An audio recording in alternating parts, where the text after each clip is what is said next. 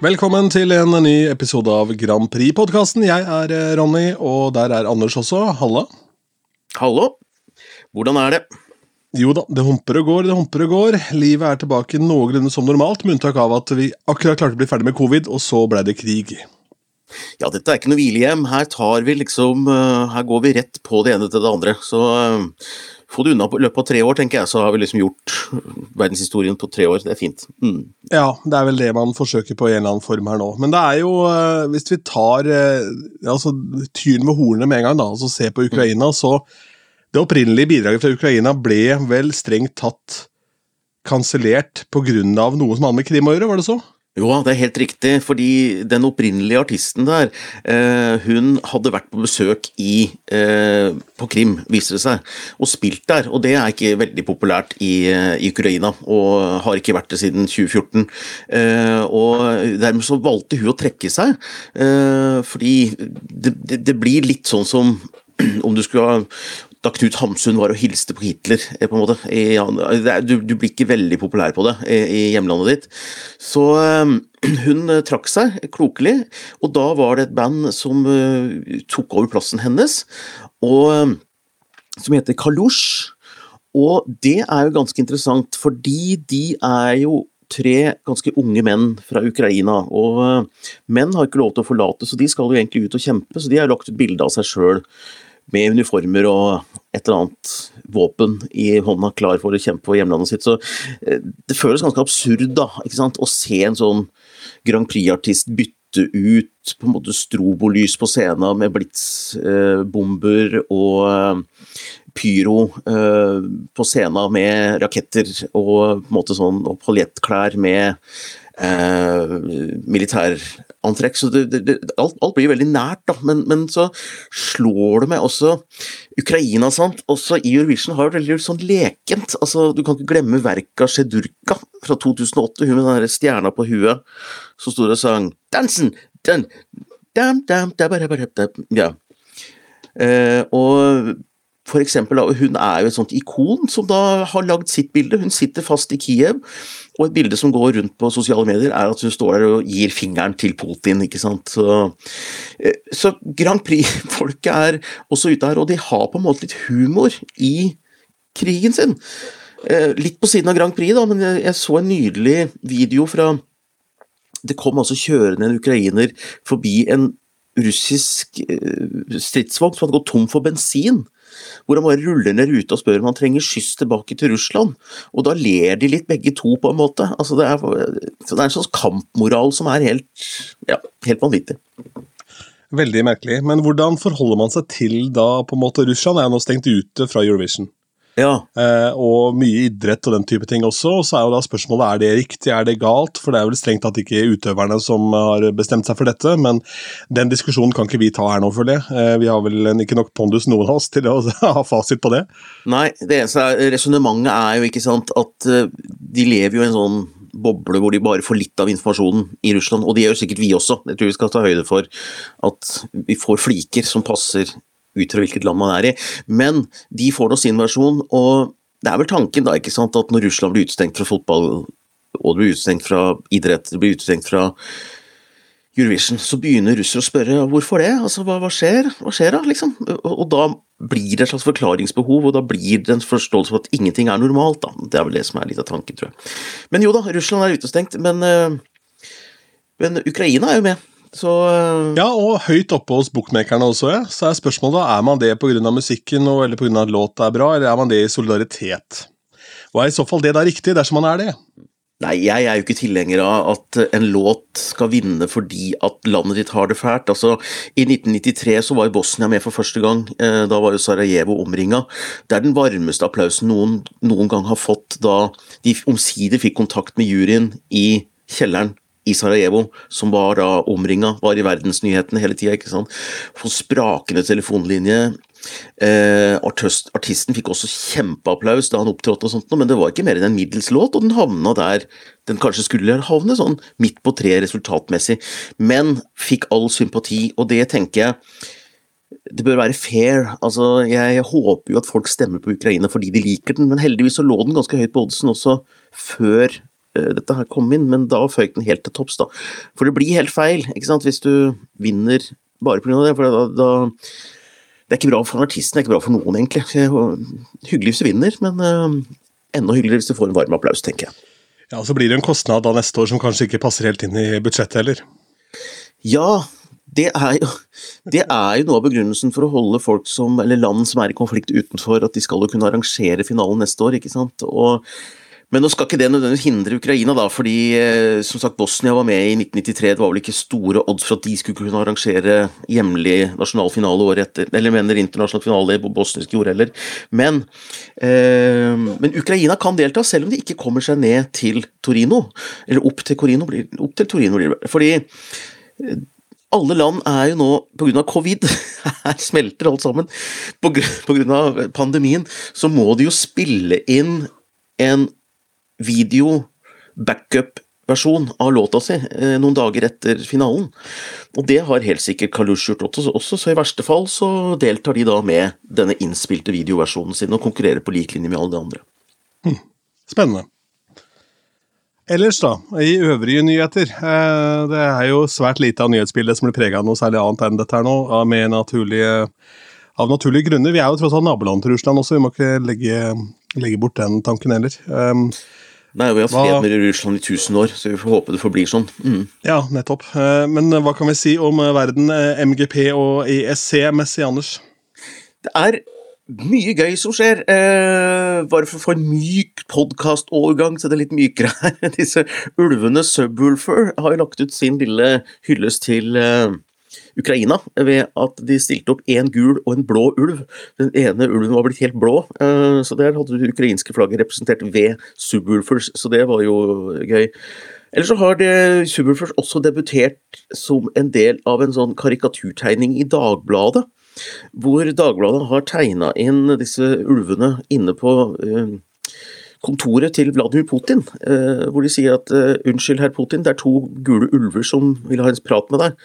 Eh, og, og jeg har tenkt litt på den teksta der, Ronny, fordi det kan hende at det bare er visvas, jeg liker å overtenke ting. Men for meg er det egentlig en helt grei tolkning at bestemor er jo liksom det varmeste vi har, altså det tryggeste vi har. ikke sant? En, en sånn symbol på det trygge, det varme. Ulven er jo truende. Og hvis noe kommer og truer tryggheten din, så er det bedre å gi da de som skal ta deg, en banan og noe morsomt og liksom noe litt sånn kjærlighetsfullt, istedenfor bare å skyte ulven. Så jeg tenker at egentlig kanskje det ligger et litt sånn dypere kjærlighetsbudskap i låta der. Kanskje, hvis man legger godvilja til. ja, Man har vel spekulert mye i det, at det kanskje er noe mer der. Da. Men ofte så er det jo det med sånn veldig banal popmusikk, så er det ofte et lag til. Eh, eller så blir det et lag til som kanskje ikke låtskriveren helt hadde tenkt, men som andre legger til, og så bare hopper man på den bølgen, og det er jo helt lov, det. Jeg tror Bob Dylan også har profitert på det noen ganger. Altså, Folk har lagt enda mer i det enn det egentlig var. ja, og det er jo et eller annet med det. Når han først da blir genierklært, så er det veldig lett å bare ri den hesten herfra til månen. Ja, mm. herfra til månen, ja. Ikke sant. Der har du den. Ellers så var Subwoolfer også um, De ble observert, dette er gøy. Uh, Australia har hatt sin finale, og der var Keiino en av pauseunderholderne. Og på første rad så satt Subwoolfer. Um, og da blir det jo litt sånn forvirring. Hva skjer? Er, er Subwoolfer i Australia nå, da, for å heie på Keiino? Altså, det blir helt absurd alt sammen. Det viste seg å være to australske fans som hadde brukt atskillige timer på å lage seg disse maskene. Så da har Subwoolfer laget en sånn greie på TikTok og Insta rundt omkring hvor de, hvor de har denne evnen til å være på mange, mange steder samtidig. Da, ikke sant? Så Nei, de er, er morsomme, altså. Mm. Det er gøy, da. Gøy at det skjer litt sånt. Men Keiino som pauseunderholdning i Australia, det også er jo artig. da. Hva, hva fremførte de der, da?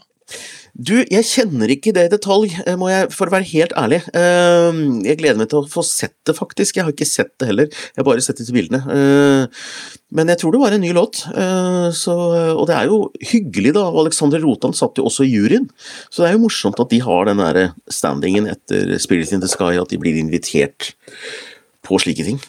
Du, vet hva, jeg tok en kjapp googlings her, og det, dette har jeg lest på internettet før også. Jeg tror de har gjort en cover av Kylie Minogue, 'On a Night Like This'. Det stemmer. Det... Ja, um, så det gir jo mening, for hun er jo fra Australia, Kylie. Så um, det er klart. Og da er du i Løvens hule, eller Ulvens hule, da, nå med Subwoolfer på første rad. Så får vi se, da. Uh, hvis, hvis responsen på den er god, så har de jo tydeligvis da truffet blink. Ja, det er eh, spennende. Det er jo litt sånn som å komme og covre ja, Hvem skulle være den norske parallellen, da? Uh, Marius Müller. ja, Kylie Minogue, Marius Müller, same, same. Hvis, Kylie, hvis Kylie tar den du veit, så blir dette bra. Nei, jeg vet ikke. Ja, nei, jeg, skjønner, nei, jeg vet ikke heller. Det, det, må, det, må jo, det, må, jo, være, det må jo være Astrid S eller noe sånt. Det da, eller noe sånt. Greit. Ja, men det hadde jo bare vært et kompliment til Astrid S, liksom, uansett hvis det kom en australsk artist og covra henne. Så nei, jeg, ja, absolutt. tror det hadde gått fint.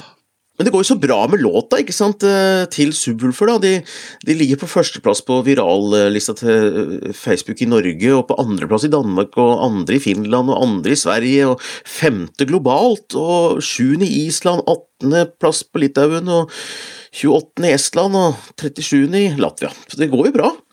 Ja, Det er jo åpenbart en låt som har truffet litt, da, som da også har, eh, har på en måte da fått uh, fått et liv utenfor det showet rundt også, altså som, da, som låt, rett og slett. Og det er litt kult, da. Ja, jeg tror vi er i den situasjonen nå at det er mange som faktisk ikke kobler låta til Eurovision. Altså, Fordi du har sett den på TikTok, du har sett den rundt omkring, og så veit de ikke helt hvor de har den fra. Og så når den da plutselig dukker opp i Eurovision, så tenker de ah, den har jeg hørt før. Ja, det har du faktisk. Fordi den har uh, vært rundt ganske lenge. Så, uh, og, og, så er det en annen ting med Subwoolfer i det siste, at de er jo uh, de er jo veldig gode på denne PR-strategien PR sin. Og, øh, og, det var en liten sånn Hva var det Nå mista jeg tråden. Mista. Uh, det er ikke så farlig. I podkast er lov å miste tråden. Mm. Ja, Det er jo litt av poenget, det føler jeg. I hvert fall noen, noen av de største podkastene i landet handler bare om å miste tråden hele veien. Mer avsporing og mer galskap, jo bedre. Ja, det er bra. Det er veldig bra. Men jeg er inne på daglig toppliste her nå. Da. De ligger på en fjerdeplass uh, enn så lenge. da. I hard konkurranse selvfølgelig med både Tix og ting fra Karpe og litt sånn fenomenband med denne Ramón som vi har vært inne på litt tidligere, med, som er nummer én nå, med OK Jeg lover, en låt som bare kom ut av ingenting. Ja. Og som plutselig ble en sånn superhit. som ikke, Og den streamer veldig mye mer enn alt annet, så den er liksom ikke mulig å gjøre noe med. men at man da, og Dette er lista da denne poden spilles inn, og det er over en uke siden Eurovision, eller eh, MGP-finalen. Eh, så det, er jo, det tyder jo på hvert fall at låta har, eh, har, mulighet til å få en litt større verdi da, enn at det bare var sånn 'Å, spennende, nå går vi inn og hører på den', og så er den rett ned igjen. Absolutt, og jeg eh, har jo sett at opptreden fra eh, finalen er streama på YouTube 1,3 millioner ganger på ei uke. Det er også ganske sterkt for et lite land som Norge. Altså. Så, eh, så, så jeg en, en uh, nattklubb i Madrid hadde spilt denne låta her. Jeg så det på Insta hvor det var helt ellevill stemning. Alle gikk og sang med på det der 'Give That Wolf a Banana' på en nattklubb i Madrid. Jeg tenkte ja, er bare å glede seg. Ja, det må jo være stas da, for de som står bak her. Ja, eh, jeg tenker det. Og, og, eh, jeg tror nok kanskje at det kan være sånn at de som er, står bak, tenker at dette hadde aldri skjedd hvis vi ikke hadde hatt de maskene. jeg føler meg ganske sikker på at ikke det hadde skjedd. For du må ha, du må ha den der eh, innpakninga med noe rart. Eh, for å få det til å fly, ellers så faller jo da veldig mye av parodien og veldig mye av liksom, Eller parodien, veldig mye av eh, morsomheten rundt da, faller på steingrunn så fort det på en måte er to eh, seriøse sangere, to artister eller hva enn måtte være som står bak der og synger. Så ender vi da opp med at ok, skal de gå god for dette her, mens nå er det jo to ulver fra verdensrommet, da. Det blir, det blir. Ja, og det bruker de, eh, for det var noen som spurte, jeg tror det var i forbindelse med at skal NRK gå inn og kreve at Russland skal utestenges? Og så var det liksom sånn Og hva sier de norske artistene, for det var jo artister fra Latvia og sånt. Og så var det, så var det helt riktig som han talspersonen sa, da, at nei, disse gutta de er jo fra månen, så de, de, skjønner seg ikke helt på jordas politikk, så vi holder, vi holder dem utenom dette her, på en måte. Så de, de tviholder på dette her, på den historien, da, og det, det tror jeg er smart. og så og så går de ikke inn på diskusjoner, eh, for det kan jo godt hende at de er avslørt. Altså enten av disse folka som står og spaner utenfor der, eller av folk som har studert ansiktsformen, eller Men så lenge de ikke kommenteres, og de ikke går inn i det i det hele tatt, så veit du ikke når avsløringen skjer, for det, er ikke noe tema. De er fra månen, ferdig snakka. Mm. Ja, og Samtidig så kan det vel strengt tatt være to som står inne der, så kan det være to som synger bak allikevel. Så... Ja, ja, ja. Det, det, er, det, alle muligheter. Det er, det er, et, det er et prosjekt, på en måte. Jeg har aldri opplevd det i MGP, at det er et sånt prosjekt som vinner, og det er veldig gøy. Jeg var forresten jeg uh, har vært på VGTV. Jeg er alltid en eller annen sånn medieopptreden mellom episodene vi spiller inn. Oh. jeg må liksom vise meg fram. Nei, Jeg skulle snakke litt om dette med at Russland var utestengt. og så uh, Veldig hyggelig, det. Men på bakrommet der så viste det seg at det var tre i eh, redaksjonen som var utrolig store Grand Prix-fans, som kjente til f.eks. begrepet altså PEDS,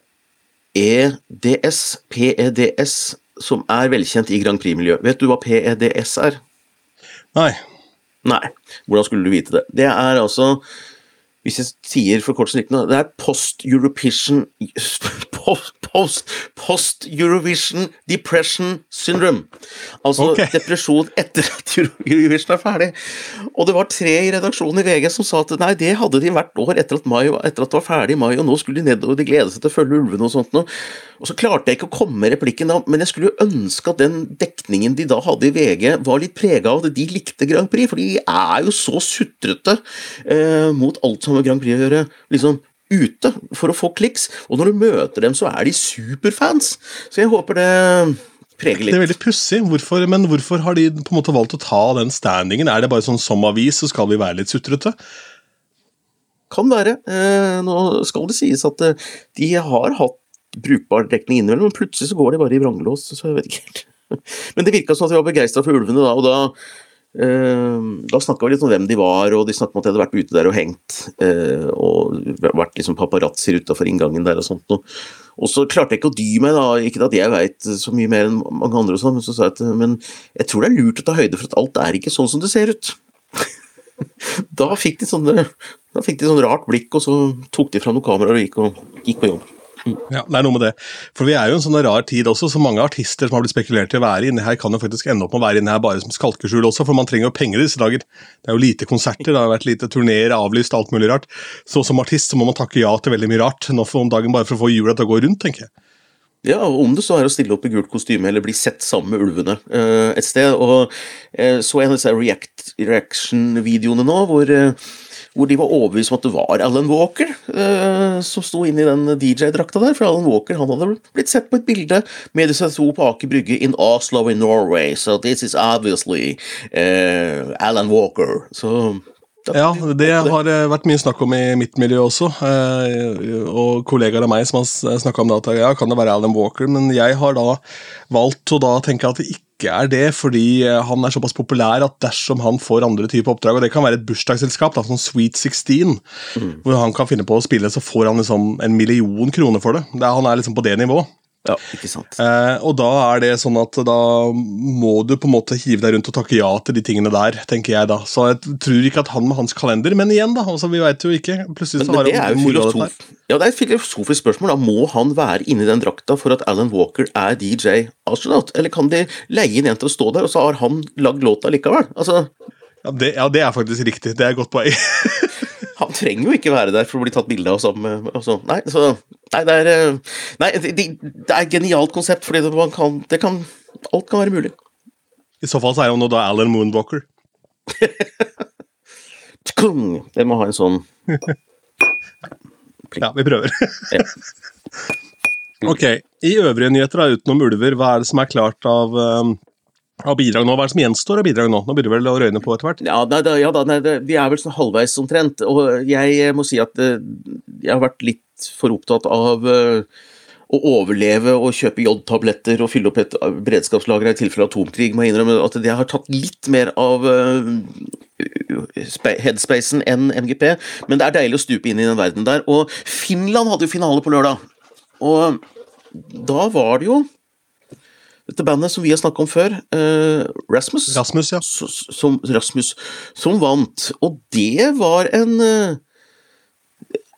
mye mer sånn fengende gladlåt enn det jeg hadde sett for meg, med en vokalist med en sånn Jeg kjente ikke til bandet fra før, jeg har hørt det på Spotify etter, etter tips fra deg.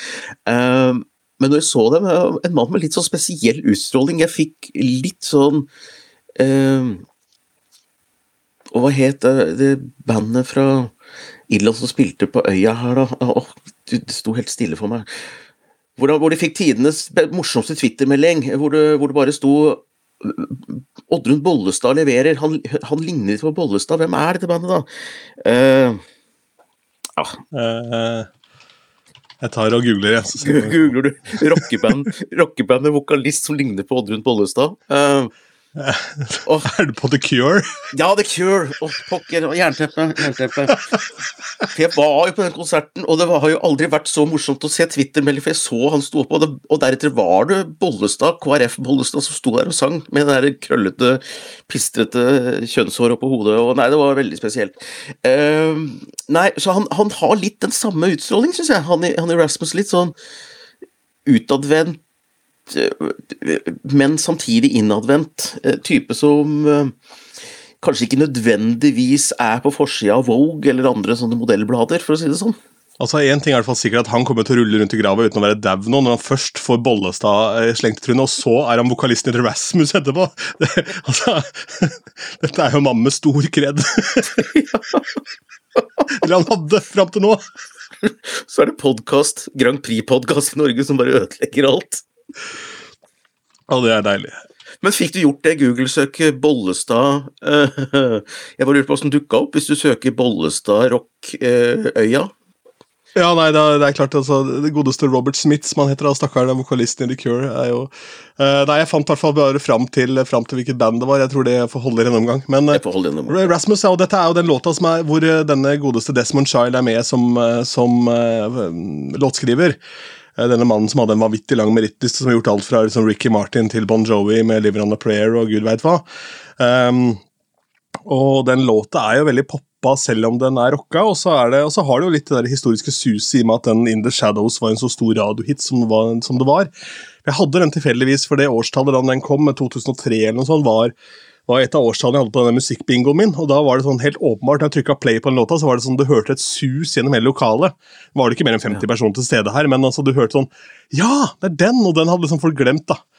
Uh, så jeg tror det kan, idet i det, det bandet introduseres på Eurovision-scenen med da på en måte litt sånn um, Uh, hva, skal, hva, heter det? Jeg holdt på å si talkback, ja, men altså sånn ja, tilbakeblikk da, altså, til ja, ja, tilbake. mm. Sånn postkort, eller hva de kaller det for noe på, i NRK. Så. Ja, det er postkort, og, det kommer litt an på hvordan de produseres, hvor mye informasjon du får ut. For veldig ofte så er det prisgitt de notatene du gir på forhånd til kommentatorene. Og da kommer det an på innstillingen kommentatoren har, for hvis det er Graham Norton, så, så, så driter han i de kortene. Han skal ha fram ja. sitt, sine morsomme poenger, ikke sant. Så da Men uh, han er for så vidt fan, han altså, så han er uh, men, men det er ikke gitt at du får fram informasjonen alltid. Nei, sånn nei. nei. nei, klart det. Men de aller fleste vanlige dødelige er jo ikke så artige som han, så de må lene seg litt på det som står der likevel, og da vil man kanskje få dette ut. da. Og så tenker man også at navnet bare sånn, Rasmus, er, det et eller annet? Og så søker man det opp, og så, ja, så finner man den låta, og så man, får man et litt sånn kjør der, da. Det er nok det. og uh, Apropos kommentatorer, eh, det var vel i 2009, da Synnøve Svabø på en måte gjorde sin legendariske opptreden som kommentator under finalen der Alexander Rybak vant. Hun ble jo aldri kommentator etter det mer. Men uh, det gikk jo over stokk og stein med tennissokker for å få større pupper, som du snakka om. Så det var en totalt usammenhengende kommentering. Men det som skjedde, var på formiddagen der, så var manuset hennes helt borte. Altså Hun hadde hatt prøver, dette skal times på sekundet, ikke sant, og det er ganske mye jobb altså, å lage et sånt manus med faktasjekk og alt dette her på forhånd. Um, så der var det altså O store president i Grand Prix-klubben, Morten Thomassen, som satt på hotellrommet til Synnøve Svabe og rekonstruerte et manus uh, fort og gæli, eh, ganske lett før sending, fordi alt var borte. Alt var delita fra maskina. Så eh, takk til Morten. Og eh, det gikk ikke så bra likevel, men eh, likevel. Nei, men det er klart, en stressende situasjon er jo gæren, for det der er jo svære greier. Så. Ja, det er det.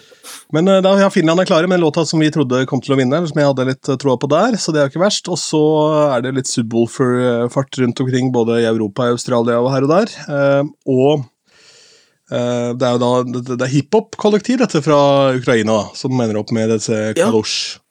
Da er det med veldig mye sånn etniske elementer fra Ukraina, da. Det er det på en måte alltid. De er, og det er jo veldig sikkert smart, eller riktig, eller hva skal vi kalle det, i år.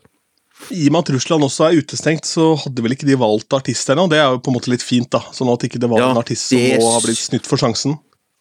Det syns jeg også. Og eh, han som var programleder i, Eurovision i 2009, altså det året da eh, Russland, da Norge vant i Russland. Eh, han er en stor stjerne i, i Russland. Han har hatt eget talkshow, og han gikk ut på Twitter mot krigen. Eh, her en dag. Tror du han er på lufta med talkshowet sitt lenger, eller? Nei, nei, nei. Han er. Så, Ja, det er det, er, det er ganske modige folk, det er modige folk som, eh, som sier ifra her, også han. Eh, Så eh, Altså Det vi må Det er- huske på er at En gjengse russer er vel ikke nødvendigvis veldig enig i det som foregår akkurat nå. og Det er jo litt det som er trist, for det kommer ikke ut i det hele tatt. og Det er kanskje der man også litt av en sånn sports- og kulturboikott kan risikere å tråkke litt feil. da. Det er jo det man har litt fokus på. at eh, Mannen i gata har jo ikke noe interesse av å invadere Ukraina. Eh, snarere tvert imot. De har interesse av å ha mat i sine matbutikker. Eh, og det er kanskje der skoen trykker, da. Ja da, og det er, eh, det er Krig er urettferdig på begge sider, ikke sant. Så, så sånn er det, holdt jeg på å si.